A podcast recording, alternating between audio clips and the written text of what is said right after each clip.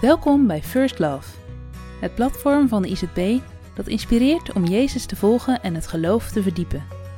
Vanuit de Bijbel delen christelijke schrijvers vanuit verschillende expertises een inzicht over thema's die iedereen raken.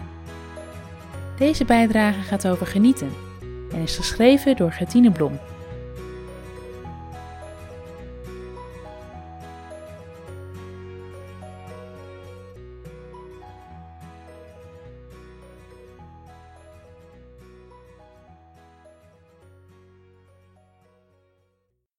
Wanneer hij zich aan eten en drinken te goed doet en geniet van al het goed dat hij moeizaam heeft verworven, is dat een geschenk van God.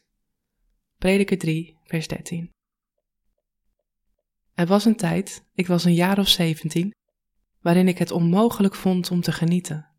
Bij alles vroeg ik me af: wat voor zin heeft dit? Is dit het nu? Moet dit me gelukkig maken? Waarom besta ik in vredesnaam? Wat ik ook deed, of ik nu alleen was of samen met familie of vrienden. Altijd klonk dat stemmetje in mijn achterhoofd. Het waren de grote vragen van het bestaan, de vragen naar de zin van het leven. Ik worstelde daarmee, zoals er bij ieder mens een moment komt om daarmee te worstelen. Het zijn die vragen waar je nooit definitief mee af kunt rekenen, omdat ze altijd weer terugkomen, opgeroepen door wat ons overkomt. Als jonge gelovige dacht ik dat God ons mensen opdroeg om voortdurend bezig te zijn met die grote vragen. Dat was immers het enige wat ertoe deed. En zo liet ik die vragen mijn leven bepalen. En keek ik alleen maar naar datgene wat ik niet wist. Ik voelde me klein en nietig. Ik had het mis.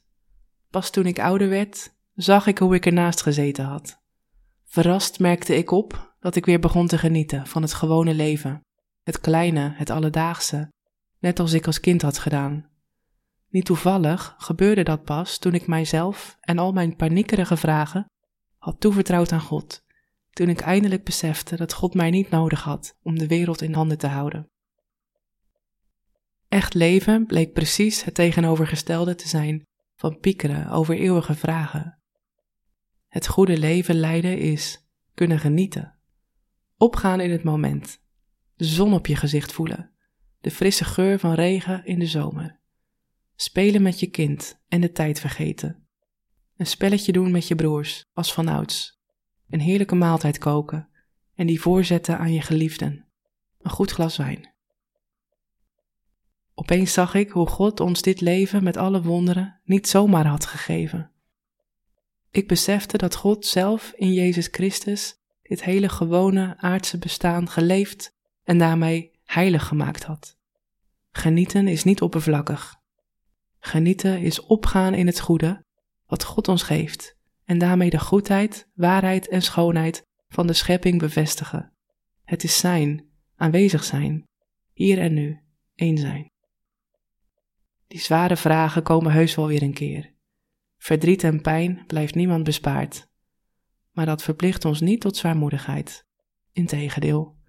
Het maakt de diepe vreugde van het leven des te groter.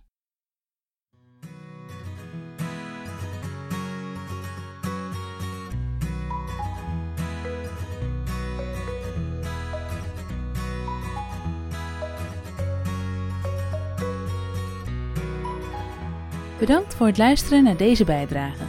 Voel je vrij om deze te delen met anderen. Ben je benieuwd naar andere artikelen van First Love?